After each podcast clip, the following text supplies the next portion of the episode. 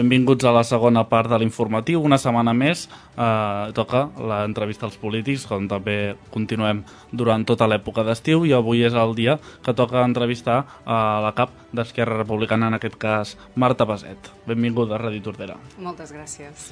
Doncs ja començaríem amb l'entrevista. Recordem, aquesta entrevista als polítics la fem cada setmana, amb ordre de partits, eh, més o menys, i en funció de la disponibilitat, cada dimecres s'emetrà aquesta entrevista als polítics. Comencem, si et sembla, una mica en ordre cronològic i comencem parlant del balanç del resultat de les eleccions que van haver-hi Tordera municipals i que Esquerra en escons va obtenir una primera posició empatada, podríem dir, i amb vots una mica per sota de Junts per Tordera. Correcte. Bueno, de fet, aquesta valoració ja la, ja la vàrem fer eh, recentment, havent passat les eleccions,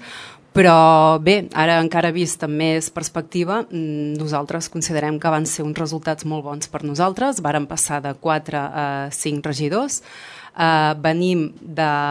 de que es presentaven 10 partits polítics més a Tordera, eh, i, amb, i algun partit doncs, que amb uns perfils doncs, una mica semblants a, en els nostres, no? que, que també doncs, ens haguéssim pogut uh, restar vots. Per tant, la, el resultat el valorem molt positivament perquè, com tu has dit, doncs, hem, vam treure o hem tret cinc regidors igual que, que Junts per Tordera, que, que en aquest cas doncs, va ser la, la primera força al tenir més vots. Doncs sí, aquests van ser els resultats. Després van, vam arribar en període de negociacions. Quines van ser les negociacions de les que va formar per Esquerra durant aquells dies en, en els quals encara no sabia el pacte que sabem avui en dia i quines van ser aquesta, aquesta xerrada, aquests pactes o aquestes negociacions més aviat que es van fer en diferents grups polítics. Sí, uh, de fet el, nosaltres enteníem el resultat de les eleccions que la gent ens havia demanat un canvi i, i nosaltres ja quan ens vam presentar la campanya ja vam dir que ens presentàvem per governar. Uh, per tant, en principi, a priori, uh, no passava pel nostre cap doncs, de fer uh, donar l'alcaldia a en Joan Carles perquè enteníem que, que la gent que ens havia votat a nosaltres era, votava un canvi. Uh, però tot i així vam estar parlant amb Junts, amb, si no recordo malament vam tenir tres reunions amb ells, però paral·lelament, i com ja és sabut, uh, vàrem estar parlant amb PSC, amb CUP i en Comú per fer un, un bloc d'esquerres, el que finalment doncs, no, no, es va, no es va poder ser doncs, per raons òbvies que després hem sabut. Um, també uh, en l'última entrevista que coneixem a Ràdio Tordera, l'alcalde Joan Carles Garcia uh, deia que en una d'aquestes reunions amb vosaltres se us havia ofert um, l'alcaldia durant un període de la legislatura. Com ha sigut això i per què es va dir que no a aquesta, aquesta proposta, diguéssim, tot i que es podia governar, um, suposo per només voler tirar endavant el bloc d'esquerres que comentaves. Uh, sí, és cert que, que ens ho va posar sobre la taula, però també és cert que nosaltres també complíem un mandat de la nostra assemblea. Aquí no, no decidim, o sigui, no de, decideixo ni jo mateixa ni els cinc regidors que vam sortir, sinó que ens devem a, a la nostra assemblea, que, que en aquest cas la formàvem eh, recordo eh, Esquerra Republicana, gent de Tordera, que és aquest, eh, aquest nucli de gent independent que no és militant, i jovent republicà. Sobretot també sempre m'agrada molt esmentar els joves que sí que són militants de, del jovent republicà, perquè moltes vegades ens, ens oblidem, però no, ells també formaven part d'aquesta llista. Uh, per tant, els havíem d'escoltar amb ells i com t'he dit ara fa un moment, uh, per nosaltres uh, enteníem que el resultat de les eleccions eh, ens donava doncs, el fet de, de poder tirar endavant eh, per, o sigui, de poder tirar endavant eh, una, un govern encapçalat per nosaltres mateixos. Uh, és cert, com has dit, que l'alcalde ens va oferir aquests dos anys i dos anys, però és el que t'estic dient, si si haguéssim pactat amb ells enteníem que d'alguna manera haguéssim traït els nostres votants i a més a més a la nostra assemblea perquè no és el que volíem. El que sí que vull deixar clar bueno, vull puntualitzar que sí que ens vàrem els hi vàrem fer una proposta i és que en tot cas sí que continuaríem a les converses si ell fes un pas al costat perquè per nosaltres i per la nostra assemblea i eh, d'alguna manera no, eh, amb aquests repu valors republicans que nosaltres sempre defensem, enteníem que no podíem fer alcalde una persona que ja portava 24 anys al capdavant. D'acord. Després d'aquestes negociacions ja es va mm. conèixer el pacte que tenim avui en dia, que està governant l'Ajuntament de Tordera, que és l'acord eh, de Junts per Tordera i el PSC. Què en pensi també, eh, després d'aquesta pregunta, m'agradaria que també introduïssis el que no forma part del pacte, que coneixíem fa poc, que era l'entrada de Xavier Pla, que no és oficialment dins del pacte, però que entenem que s'acosta una mica en aquests dos partits. Bé, de fet, eh, molts indicis també, tot i que nosaltres estàvem negociant amb ells, a moltes veus per darrere ja ens anaven dient de, de que pràcticament aquest pacte ja, ja estava fet des de poc després de, de les eleccions, tot i així nosaltres ens vam, vam seguir. Uh, I també és cert, i, i també era uh, era bastant previsible que acabés passant això que ara deies tu, no? de que entrés a formar part o no de govern el regidor de Més Tordera, Xavier Pla, perquè d'aquesta manera blindava doncs, la, la majoria en els plenaris i és el que s'ha vist, no? que, que ha acabat passant. De fet, eren, hi havia molta rumorologia que deia que les coses anirien cap aquí i la veritat és que nosaltres no en teníem cap dubte de, de que acabaria passant això. Doncs finalment ja es van dur a terme tots aquests plens dels de, de càrrecs, de tots els regidors, i ara ja entrem pròpiament a la legislatura. Com afronta el teu partit aquesta nova legislatura? Bé, som molt conscients que nosaltres l'afrontem des de l'oposició. En aquest cas som realistes, però també eh, sabem i volem treballar d'una manera constructiva i positiva. No anirem a posar pals a les rodes allà on no calgui. El que sí que farem és, eh, és el nostre paper d'oposició, que és anar fiscalitzant totes les accions que faci el, a l'equip de govern, eh, que és anar vigilant que totes les propostes, tot, tot el que es dugui a terme sigui en benefici dels ciutadans i ciutadanes de Tordera. En aquí sí que anirem eh, vigilant, que és de fet la, la feina que té l'oposició. Però per altra banda, Eh, també nosaltres, eh, com t'he dit, volem treballar eh, d'una manera constructiva, constructiva constructiva perdó, i en positiu eh, i anar portant doncs, propostes que veiem factibles que, que nosaltres portàvem en el nostre programa electoral i que creiem doncs, que, que poden ser un benefici eh, per al conjunt de, de la població. I un exemple n'és doncs, la moció que vàrem presentar en l'últim ple, que és la moció aquesta sobre l'educació de 360 graus, que és una de les principals que, propostes que nosaltres portàvem en el programa. Sí, justament en aquest, com deies, en aquest últim ple, eh, també et volia parlar d'aquesta moció d'educació 360, que la vau mm. presentar en aquest cas vosaltres, com deies, sí. però fins i tot el ple es va haver de fer un recés, cosa una mica també eh, no habitual a Tordera, diguéssim, eh, durant la votació i aprovació, i volia que m'expliquis una mica com va succeir tot plegat i per què es va, Esquerra va decidir continuar tirant endavant malgrat eh, els, una mica els desacords, tot i l'abstenció d'alguns partits com el pacte de govern. Sí, uh, a veure, és una proposta mm, que nosaltres teníem molt clar que, que havíem de, de portar en el plenari, perquè en principi doncs, veiem que l'educació és, una, és una branca troncal de, de, de tota la base de tota la societat. Eh, per això ens semblava que en un moment o un altre l'havíem de, de portar al plenari. Uh, ho vàrem fer, uh, de fet mm, no vam tenir cap vot en contra, en tot cas van ser tots abstencions i ens varen dir que les abstencions no eren per al contingut, sinó que el contingut bueno, tothom ens ha dit que, que l'avalava, que hi estaven d'acord al 100%, tots els punts, perquè al final és adherir-se en un manifest que ha, hi ha, hi ha molts pobles que s'hi han adherit uh, perquè l'educació passi més enllà de sortir de les parets de les escoles i, i, es, bueno, i, i sigui també doncs, en l'àmbit associatiu, en l'àmbit de les entitats, en l'àmbit del lleure, per donar més i millors oportunitats a, a tots els nens i joves de, del poble. Uh, de fet, el, el van argumentar l'abstenció per les formes. Mm, nosaltres no entenem això de les formes, perquè deien que primer potser s'hauria de consultar en el, o s'havia de portar doncs, aquesta proposta en el Consell Escolar per si es tirava endavant o no. A veure, això és un manifest que s'hi ha d'adherir l'Ajuntament i l'Ajuntament com a tal és el que ha de eh, trobar-se doncs, amb el Consell Escolar, que seria una, un dels ens, un més dels ens que hauria de formar part d'això, o sigui, no passa tot només pel, pel Consell Escolar.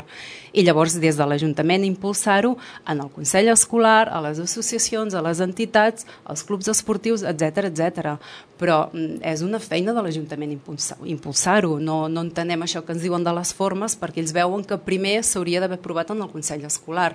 però és el que et dic, el Consell Escolar és una peça més, no és la peça essencial. En tot cas, aquí el que, el que ha de portar la iniciativa és el propi Ajuntament. Per això, finalment, quan ens varen dir si ens ho repensem o no en el ple, ho vàrem estar-ho parlant i vam decidir que es havia de, de tirar endavant, perquè el concepte pensem que, que el tenien mal entès.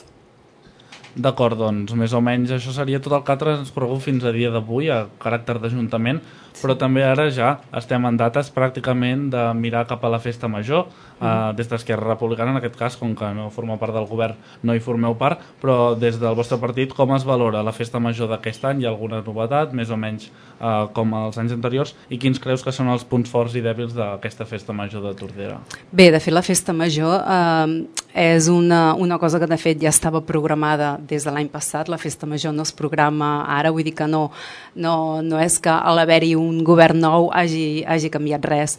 El que nosaltres sí que valorem positivament és el canvi d'ubicació, de la, sobretot del tema de les barraques, perquè quan venen grups mm, potents, com serà el cas de Buos, hi ha un problema de, de, de seguretat a la plaça per, per un tema d'aforament. Llavors veiem molt raonable el fet de que s'hagi pogut traslladar allà. El que sí que veiem és que això també eh, incrementarà eh, més temes de seguretat, més temes... Clar, allà és un espai obert, és un espai eh, molt obert, s'haurà de vigilar molt amb, no sé, cigarretes que es tirin, no ho sé. Eh, però bueno, això ja es veurà i un cop hagi passat tot ho, ho valorarem eh, totes les iniciatives noves que, que es vulguin portar a terme doncs, sempre ho hem de valorar positivament, però això potser farem la valoració un cop hagi passat la festa major. D'acord, doncs si et sembla deixem ja a una banda una mica eh, el panorama municipal i també m'agradaria comentar que eh, és representant d'Esquerra Acord Municipal al Consell Comarcal del Maresme i també que m'agradaria que expliqués quina feina hi fa una mica en aquest òrgan eh, comarcal. Sí, uh, de fet, uh, jo tinc la sort de ser una de les 12 persones que som consellers i conselleres en el Consell uh, Comarcal del Maresme. Uh, per sort també tenim uh, el president per primera vegada uh, d'Esquerra Republicana del nostre grup i, i també, a diferència del que va passar a Diputació, que al final es va donar la presidència al PSC, eh, suposo que per la pressió mediàtica que hi va haver-hi després d'això, de, eh, s'hi van repensar i, i van fer possible doncs, que el Consell Comarcal del Maresme eh, pogués tenir una representació de, bueno, pogués tenir la presidència d'Esquerra juntament a, amb Junts per, per Catalunya. A veure, la, la meva funció, de fet, encara sóc molt novella en aquest sentit. Eh, només hem fet el, dos plenaris, el, de, el que es va anomenar el president i el de Cartipàs, i ara s'ha parat fins al que tornem a engegar el mes de setembre. Per això també més endavant us podré dir eh, més com, com va la meva feina en allà. El que sí que estic eh, oberta doncs, a, a veure quines propostes eh, en allà, podem veure en allà que pugui jo portar aquí Tordera perquè hi ha molts serveis a, a nivell de municipis que penso que val la pena que, ens hi, que com a Tordera ens hi puguem acollir i, i bé, a partir d'aquí doncs, doncs anar mirant. El que sí que també us haig de dir és que jo en allà no hi tinc cartera, eh, sí que assistiré als plenaris i faré tota la feina que, que, que tingui, però en allà no, no tenim cartera perquè eh, Esquerra eh, Republicana sí que mm, quan va mirar de fer aquest pacte en Junts per Catalunya, tot i que hi, hi havia una diferència eh, de la meitat, perquè de consellers d'Esquerra Republicana i eren 12, són 12, i de Junts eren 6, però el que va fer Esquerra perquè no hi hagués cap, cap mena de problema és que es repartirien les carteres equitativament, Per tant, eh, has d'entendre doncs, que d'aquestes 12 consellers, conselleres d'Esquerra, eh, la meitat doncs, no tenim cartera eh, per equitativament eh, està repartida entre la gent de, de Junts, que penso que és una, una molt bona proposta per part de una proposta molt generosa per part d'Esquerra per poder consolidar aquest pacte.